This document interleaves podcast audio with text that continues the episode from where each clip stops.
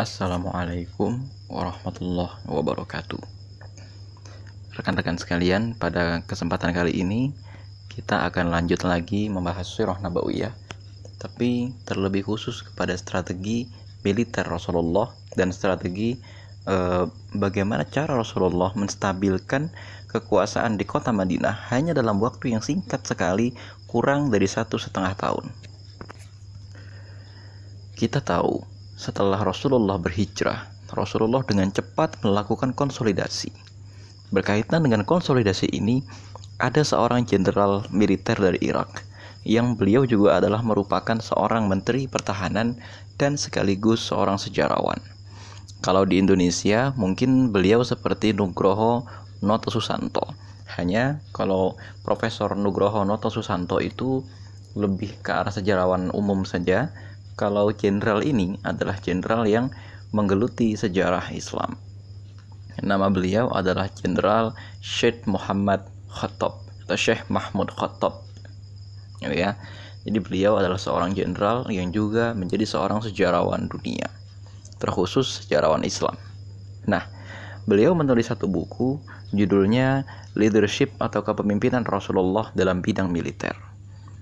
Di sini pandangan beliau terhadap proses dakwah Rasulullah sedikit berbeda dengan pandangan e, beliau gitu ya pandangan beliau dengan e, pandangan misalnya yang kita tahu Munir Ghotban yang mana Profesor Dr. Munir Ghotban itu menulis sebuah buku judulnya Manhaj Haroki kalau titik tekan buku Manhaj Haroki itu lebih diarahkan kepada bagaimana cara Rasulullah membangun satu organisasi dakwah yang bukan terkhusus kepada sektor militer. Tapi kalau buku Jenderal Syed Mahmud Khattab ya eh, ini lebih terkhusus dituliskan untuk mengulas sisi-sisi militer dari Rasulullah. Buku sejenis ini ada juga ditulis oleh uh, As-Salabi gitu ya. Judulnya Saat Rasulullah harus berperang atau uh, ketika Rasulullah harus berperang buku ini lebih tebal daripada buku Mahmud Syed Khattab. Hanya kemudian memang karena As-Solabi sendiri bukan seorang panglima perang, terutama bukan juga seorang politisi, maka buku beliau ini tampaknya hanya lebih mengulas ibroh-ibroh, tapi lebih mudah dipahami oleh kita yang bukan negara yang sedang mengalami peperangan atau bukan orang yang pernah mengalami wajib militer buku Mahmud Syed Khattab memang akan lebih sulit dipahami oleh khalayak, tapi mengandung eh, satu sudut pandang militer yang begitu tajam dan rapi.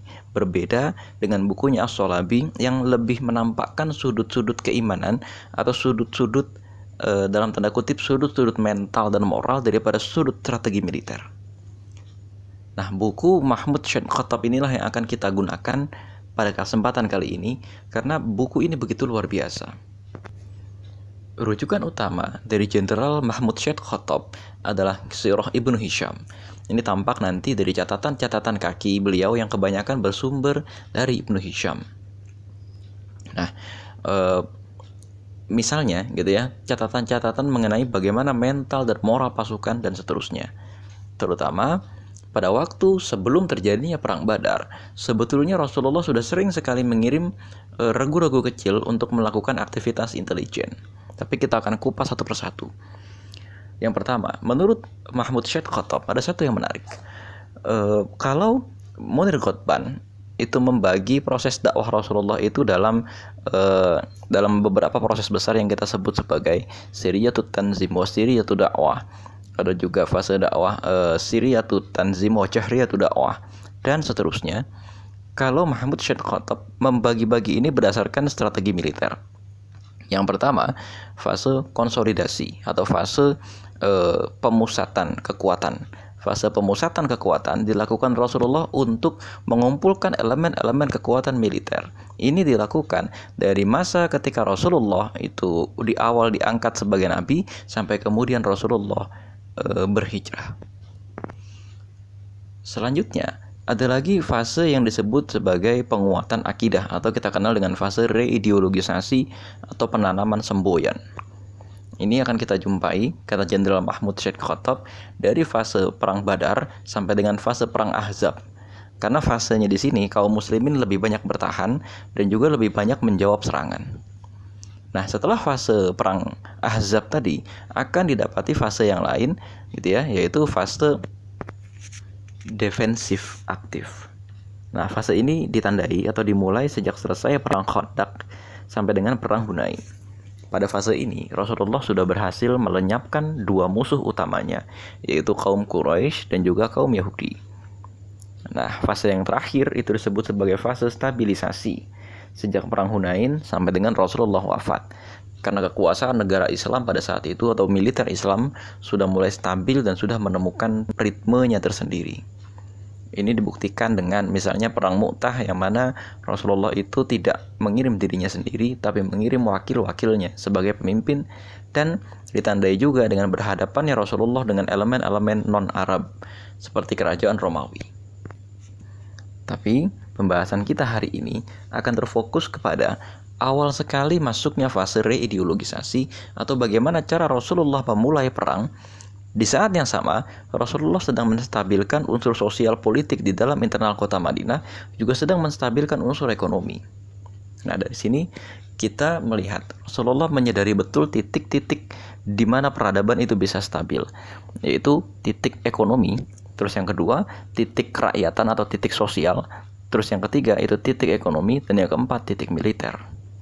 Kalau Rasulullah sudah punya keempat pilar ini, nanti Rasulullah akan mudah mendapatkan satu titik geografis di mana negara itu bisa tegak. Nah, inilah yang kemudian e, cukup menarik apabila kita perhatikan pada fase-fase selanjutnya. Setelah itu Rasulullah itu sadar mengenai peta bisnis yang ada e, yang membuat kemakmuran kota Mekah itu semakin kuat. Rasulullah sadar ke mana jalan utama dari kota Mekah menuju pusat-pusat sumber uangnya.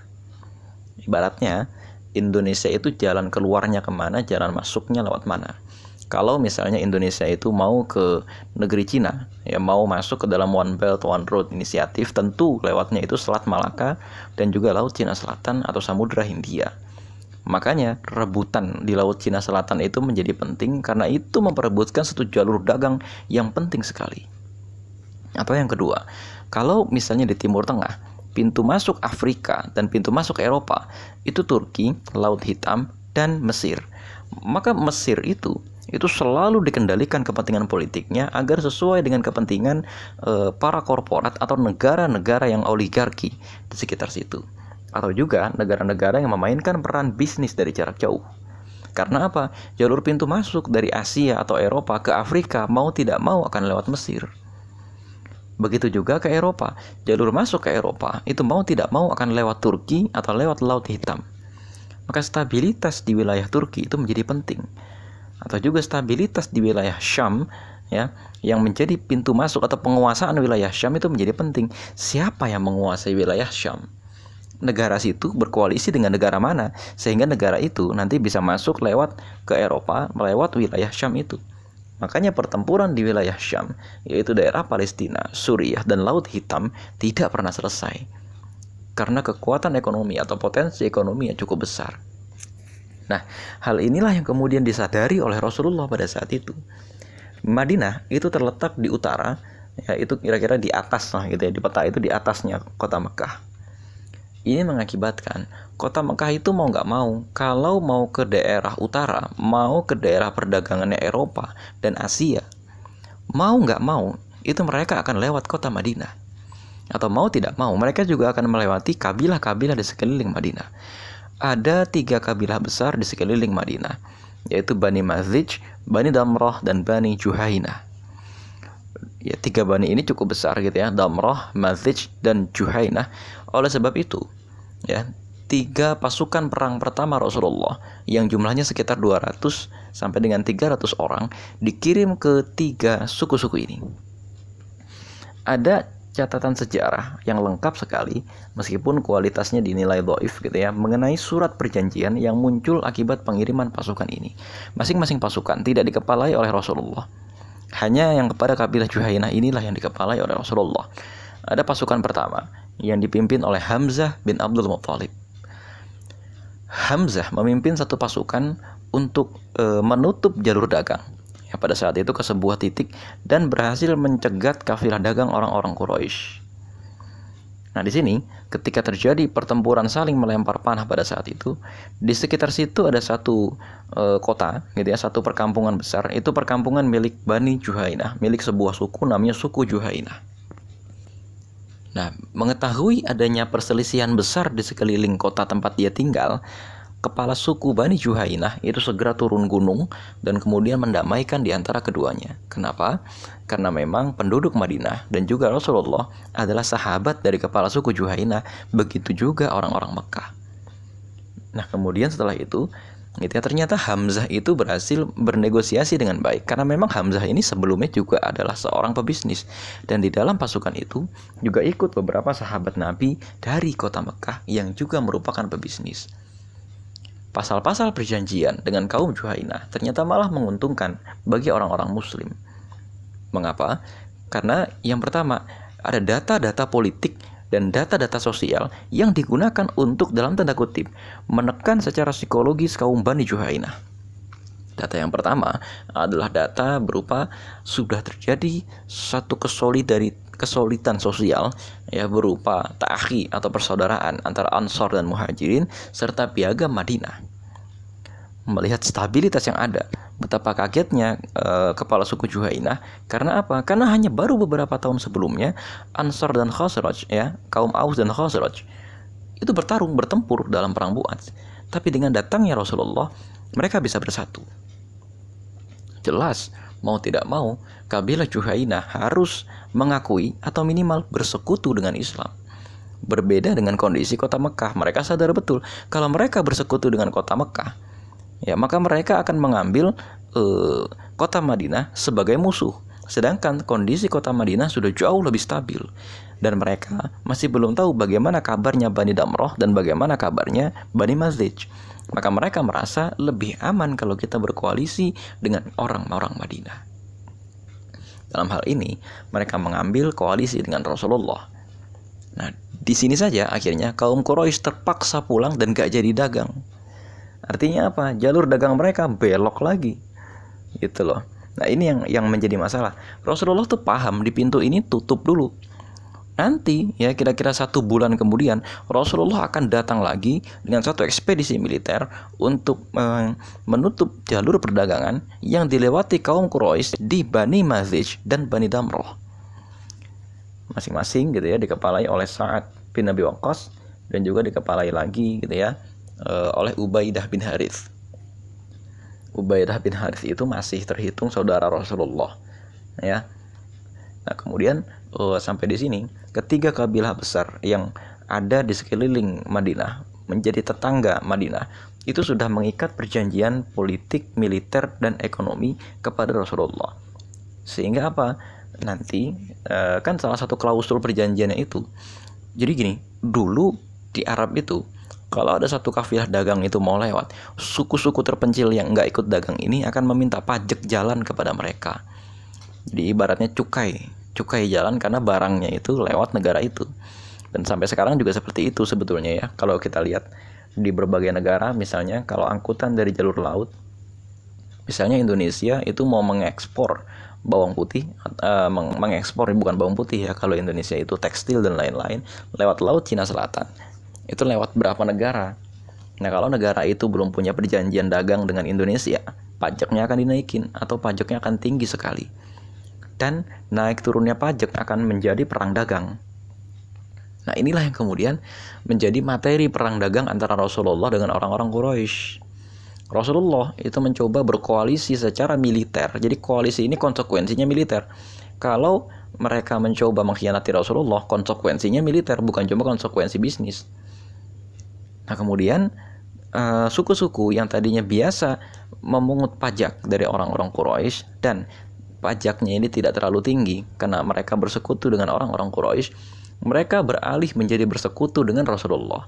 Sehingga apa? Menerapkan pajak yang tinggi sekali buat orang-orang Quraisy atau gitu ya Rasulullah akan mengusir mereka dan mepetin mereka ke jalan-jalan yang memang sulit jadi berbeda dengan e, kalau misalnya teman-teman mengetahui bagaimana proses sebuah negara atau sebuah kota dihubungkan dengan jalan. Tidak semua daerah terhubung dengan jalan. Mengapa? Bentang alam seperti gunung, sungai, laut, atau di Arab sana ada gunung pasir, gunung batu, dan lain-lain, itu relatif tidak akan dilewati jalan. Kenapa? Jalannya sangat sulit. Apalagi sebuah jalan yang di sana tidak ada sumber air itu di padang pasir. Yang kedua, selain masalah sumber air, apalagi kalau di jalan sana terkenal dengan banyaknya binatang buas. Nah, itu yang kemudian menyebabkan penting sekali bagi Rasulullah untuk mengikat satu perjanjian dagang dan perjanjian militer dengan suku-suku yang ada di sekitar Madinah tadi. Nah, inilah poin yang disampaikan oleh Jenderal Syed Mahmud Khattab. Kalau kita lihat petanya, gitu ya, peta persebaran suku-suku ini, semua suku-suku ini dan e, semua kejadian penyerangan ini terjadi e, petanya itu, gitu ya, itu di rute ketika kaum Quraisy ingin berangkat ke utara, yaitu ke Syam. Jadi Rasulullah sadar tampaknya e, rute yang menuju Syam inilah yang paling banyak menghasilkan uang bagi kehidupan kota Mekah. Ini didukung dengan pengalaman masa kecil Rasulullah bersama dengan Abu Talib dan juga Khadijah yang beliau itu kan pernah berdagang sebelumnya ke daerah Syam. Ya. Sehingga kemudian Rasulullah bisa dengan tepat dan dengan dengan canggih sekali merumuskan satu strategi untuk memblokade daerah Syam. Nah, dan ini juga menjadi semacam apa ya? Semacam rahasia Allah. Bayangkan kalau dulu misalnya Rasulullah itu ketika berhijrah ke Taif itu diterima oleh orang-orang Taif. Meskipun memang secara militer mungkin benteng Taif itu lebih kuat daripada benteng-benteng yang ada di kota Madinah atau misalnya penduduk Taif itu lebih banyak. Tapi dampak ekonomi dan juga dampak militer atau juga dampak politik yang ditimbulkan tidak akan sebesar yang ditimbulkan apabila Rasulullah berhijrah ke kota Madinah. Karena apa? Ternyata Madinah itu adalah kota yang menjadi simpul pintu ketika orang-orang pedagang-pedagang besar Quraisy atau juga dari seluruh Arab mau pergi keluar Arab. Mau tidak mau mereka akan lewat Madinah. Meskipun Arab luas, iya luas, tapi sebagaimana Indonesia yang dipisahkan oleh laut, kota-kota di Arab Saudi juga dipisahkan oleh pasir. Kalau laut itu air semua, kalau pasir tidak ada airnya. Apalagi yang namanya ini bawa manusia, bawa binatang ternak perlu air untuk minum mereka. Itu fakta pertama. Nah, fakta kedua, penyerangan-penyerangan ini terjadi kebanyakan pada musim panas. Nah, kita kalau mau ingat lagi gitu ya dalam surat Al-Quraisy, A'udzubillahi minasyaitonirrajim. Bismillahirrahmanirrahim. Li'ila fi Quraisy ila fihim rihlatash syita'i was-shaif. Li'ila fi Quraisy. Nah, ilaf itu perjalanan atau dalam tanda kutip ya rute perjalanan. Yang mana rute perjalanan itu tidak bisa kita tafsirkan hanya sebatas jalannya, tapi juga fasilitas di sepanjang jalannya, sekutu-sekutu bisnis mereka di sepanjang jalan, ya, di ilafi Quraisy, artinya sekutu-sekutu dagang mereka di sepanjang jalan, sehingga kan mereka tujuannya ini ada satu surat kecil sekali suratnya ini, ya uh, tidak terlalu panjang gitu ya, pendek. Tapi surat ini bisa dengan cermat mengabadikan sebenarnya kekayaan kota Mekah, kekayaan orang-orang Quraisy dari mana sih pangkalnya? Ternyata pangkalnya itu dari perdagangan mereka. Ternyata pangkalnya itu dari keberangkatan mereka ke Syam. Rihlatas syita'i waswaif. Ya, rihlatas syita'i waswaif. Ketika mereka itu berjalan ke utara, itu mereka berjalan pada musim panas. Ya, kenapa? Karena pada musim panas daerah utara itu lebih hangat ya lebih sejuk gitu ya daripada daerah selatan. Karena kita jangan lupa Arab Saudi itu terletak di lintang utara tidak seperti Indonesia yang terletak di Katulistiwa suhu di bagian utara atau bagian selatan Indonesia itu sama saja. Nah e, berbeda juga misalnya dengan e, Arab Saudi tadi kondisi di Arab Saudi mereka itu sudah ada di sedikit ke arah utara lagi sehingga ketika mereka berangkat ke daerah Syam yaitu Palestina dan Suriah mereka di musim panas akan menemui cuaca yang sejuk di utara. Dan kemudian pada musim panas atau musim dingin tadi ya, musim dingin, mereka akan kembali ke selatan, dagang ke Yaman karena pada musim dingin cuaca di sana lebih enak. Nah, kemudian inilah yang terjadi. Pencegatan-pencegatan tadi itu lebih banyak ya operasi militer tadi dilakukan pada musim panas. Berturut-turut ya. E, syariahnya Hamzah atau pasukannya Hamzah yang pertama kali dikirim oleh Rasulullah itu terjadi pada bulan Ramadan tahun pertama. Jadi kalau kita lihat, kan awal dari Rasulullah berhijrah itu kan bulan Muharram.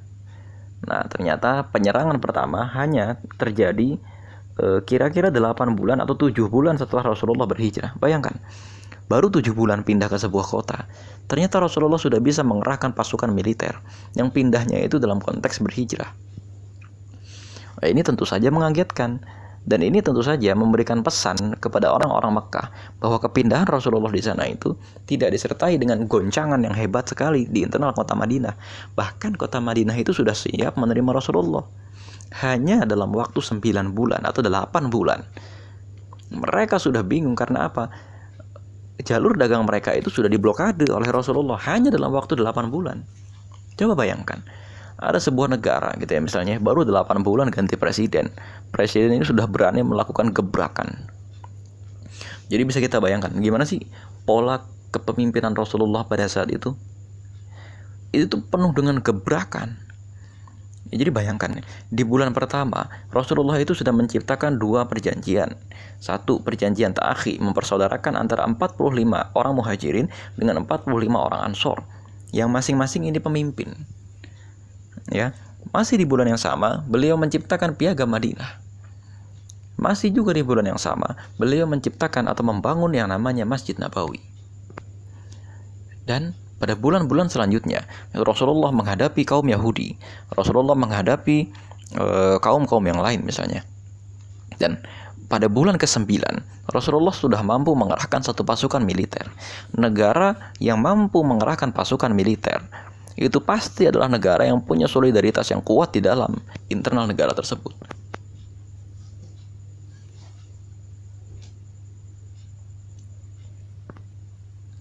Dan solidaritas yang yang dimaksud. Tentu saja bukan sekedar solidaritas sosial, tapi solidaritas antar elemen-elemen negara, antara para pengusaha, antara kelas-kelas borjuis dan proletar, antar satu partai politik dengan partai politik yang lain. Ada kita ketika tahu ya ada partai politik Khosraj yang disatukan dengan satu fraksi besar namanya Ansor. Ya ada satu partai politik besar lagi namanya Muhajirin gitu ya, yang fraksinya fraksi Muhajirin. Ada fraksi besar lagi namanya fraksi munafikin yang terdiri dari orang-orang Madinah yang pura-pura masuk Islam dan sebagian besar orang-orang Madinah yang masih menyembah selain Allah ada satu fraksi besar lagi yang namanya fraksi Yahudi yang terdiri dari empat partai besar yaitu Qainuqa, Quraidah, Nadir, dan Ghatafan. Semua ini berhasil disatukan oleh Rasulullah dan dengan koalisi terbesar di kota Madinah yaitu koalisi antara fraksi Muhajirin dengan fraksi Ansor. Ini semua ternyata diatur hanya dalam waktu kurang dari 9 bulan sehingga pada bulan ke-9 bulan ke-7, ke-8, ke-9 itu Rasulullah sudah bisa mengirimkan pasukan perang dan nggak main-main langsung melawan suatu kedaulatan kota Mekah untuk membelokkan jalur dagang mereka ke daerah Syam. Nah, dari mana kekuatan ekonomi itu muncul backup di belakang? Nah, ini bukti gitu ya bahwa kota Madinah itu tidak bergantung dengan kota Mekah. Artinya Rasulullah itu ada untungnya ketika saat itu diboykot sehingga Rasulullah itu menjadi mandiri, nggak lagi terikat secara ekonomi maupun bisnis dengan orang Madinah. Akhirnya apa? Kaum muhajirin yang memang terkenal sebagai pedagang itu bisa dengan leluasa berangkat ke Syam pada saat itu gitu ya karena apa pedagang-pedagang lain dari negara Mekah gitu ya atau pedagang-pedagang dari kota Mekah ditahan ya ditahan oleh kabilah Juhaina ditahan oleh kabilah Damroh dan ditahan juga oleh kabilah Bani Manazid ya, Bani Manazid sehingga apa pedagang tunggal dari daerah uh, Arab Saudi itu tinggal orang-orang muhajirin tinggal orang-orang Quraisy yang pindah hijrah ke Madinah Siapa mereka? Uthman bin Affan, Abdurrahman bin Auf, Zubair bin Awam, uh, Suhaib Ar-Rumi, dan lain-lain. Ini juga membuktikan kepada kita semua bahwa untuk memenangkan dakwah, Rasulullah itu tunduk kepada sunatullah. Coba kita lihat, uh, satu-satunya mujizat yang ditunjukkan oleh Rasulullah di sini hanyalah Al-Quran. Gak ada mujizat-mujizat besar semacam uh, membelah gunung misalnya atau nggak ada mujizat besar misalnya semacam Rasulullah bisa bicara dengan binatang atau mengendalikan pasukan jin nggak ada Ini semua didesain dengan sangat-sangat-sangat alami sehingga apa? Kita bisa belajar dari sana. Berbeda dengan kisah Nabi Musa, yang mana kita susah belajar dari kisah Nabi Musa. Yang bisa kita pelajari dari Nabi Musa misalnya eh, pada perkara keimanan dia kepada Allah yang sudah sangat luar biasa. Tapi kisah Nabi Musa itu sulit ditiru oleh orang biasa. Kenapa? Karena interaksi antara Nabi Musa dengan sunatullah itu masih diintervensi dengan mujizat. Berbeda dengan Nabi Muhammad yang kisah kenabiannya itu sangat minim mukjizat yang besar. Sehingga apa? Interaksi antara beliau dan sahabat-sahabat Nabi dengan sunatullah sangat alami. Rekan-rekan sekalian, kita ini kalau berdakwah, cobalah kita berhadapan dengan sunatullah dengan alami. Kita harus berani lakukan gebrakan sehingga membiarkan musuh-musuh kita itu mengikuti gebrakan kita. Tidak seperti sekarang gitu ya. Kita ini kan kebanyakan mengikuti gebrakan musuh. Musuh kita sudah bikin akun-akun YouTube besar, kita baru ikut. Musuh kita sudah bikin akun-akun podcast, akun-akun Instagram, kita baru ikut. Musuh kita misalnya baru bikin kontes, kita juga ngikut gitu kan.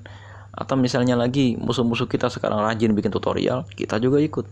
Harusnya kita berani bikin gebrakan gitu ya. Karena bayangkan tadi Rasulullah itu sangat sibuk. Itu yang pertama. Yang kedua kita bisa nggak menyatukan elemen-elemen dakwah kita dengan sangat inklusif? Meskipun harus punya ring-ringnya. Ring itu artinya ring satu. Itu koalisi besar antara Rasulullah dengan kaum muhajirin. Yang ring satu benar-benar ring satunya itu adalah orang-orang yang dipersaudarakan Rasulullah. Ring duanya adalah kaum muslimin kebanyakan. Ring tiga gitu ya adalah orang-orang munafik yang tadi ya pura-pura jadi muslim padahal enggak. Ring 4 itu orang-orang Yahudi dan orang-orang yang jelas kafir. Itu mereka harus dihadapi dengan pedang. Sekarang gitu ya kebanyakan kita kalau ngurus LDK ngurus kami misalnya atau ngurus BEM atau ngurus lembaga-lembaga dakwah yang lain misalnya ya itu malah tidak inklusif. Kita tidak menciptakan piagam Madinah kita tidak menciptakan tahi tapi yang kita ciptakan justru adalah peperangan pertempuran Justru yang kita ciptakan bukan cara menghadapi musuh, tapi bagaimana cara untuk mengidentifikasi musuh di dalam diri kita sendiri. Jadi yang terjadi kita malah berantem saat berdakwah. Bukannya menghadapi musuh, tapi kita sebagian malah menjadi musuh bagi sebagian yang lain. Ini repot kalau sudah begini. Akhirnya apa yang terjadi? Boro-boro ekspansi, ya kita selalu disibukkan dengan konflik internal, konflik internal, konflik internal. Bayangkan Rasulullah hanya dalam waktu kira-kira tiga bulan saja, konflik internal selesai. Ya, ada persaudaraan antara penduduk Madinah, ada perjanjian Madinah atau piagam Madinah antara fraksi Muhajirin, fraksi Ansor, fraksi Munafikin, fraksi Yahudi. Maka kemudian pada bulan ke-9 baru bisa ekspansi, baru bisa ngurusin umat, baru bisa ngurusin masyarakat satu negara ketika masalah internal baik itu internal partai, internal organisasi atau internal lembaga dakwah itu selesai. Ya, maka rekan-rekan sekalian sampai di sini gitu ya, ada banyak sekali pelajaran yang dituangkan oleh Mahmud Syed Khattab tadi, gitu ya. Dan kembali kepada e, bahasan kita yang kemarin ya mengenai perang generasi keempat atau fourth generation of warfare gitu ya, yang teori ini dikemukakan oleh William S. Lin dalam sebuah bukunya yang terbit pada tahun 80-an, perang proksi itu sudah mulai dilakukan oleh Rasulullah. Berbeda dengan orang-orang Quraisy gitu ya. Orang-orang Quraisy ini nggak ngerti bagaimana cara memproksi, sedangkan Rasulullah itu sudah menang di proksi. Orang-orang Quraisy itu cara perangnya itu masih cara perang generasi ketiga. Cara perang generasi ketiga mengandalkan senjata lengkap. Senjata biologi, senjata kimia. Meskipun orang-orang Quraisy tidak mengenal dua jenis senjata itu tapi lengkapnya jumlah senjata itu menunjukkan generasi perang keempat, eh ketiga. Nah, Rasulullah mengangkat selangkah lebih maju dengan membawanya kepada perang generasi keempat dengan proksi, perang asimetri. Kabilah Juhainah, kabilah Mazij dengan kabilah e, Damroh tadi dibawa oleh Rasulullah untuk berkoalisi sehingga koalisi-koalisi inilah yang akan menghadapi rombongan rombongan-rombongan dagang orang Mekah agar tidak bisa menuju Syam sehingga ketika mereka berhadapan di perang Badar, kekalahan orang-orang Quraisy di perang Badar itu sangat sangat sangat menentukan arah perekonomian Arab ke depan. Nah, rekan-rekan sekalian, itu ya. Jadi kalau kita berdakwah itu ya cerdik lah, gitu ya kira-kira. Cerdik itu dalam arti kita harus tahu siapa musuh kita, peta dakwahnya itu bagaimana, siapa sih sebenarnya yang betul-betul bisa kita ajak koalisi, kita jadikan proksi untuk menghadapi si A. Siapa sih yang bisa kita proksi untuk menghadapi si B? Oke, rekan-rekan sekalian, Assalamualaikum warahmatullahi wabarakatuh.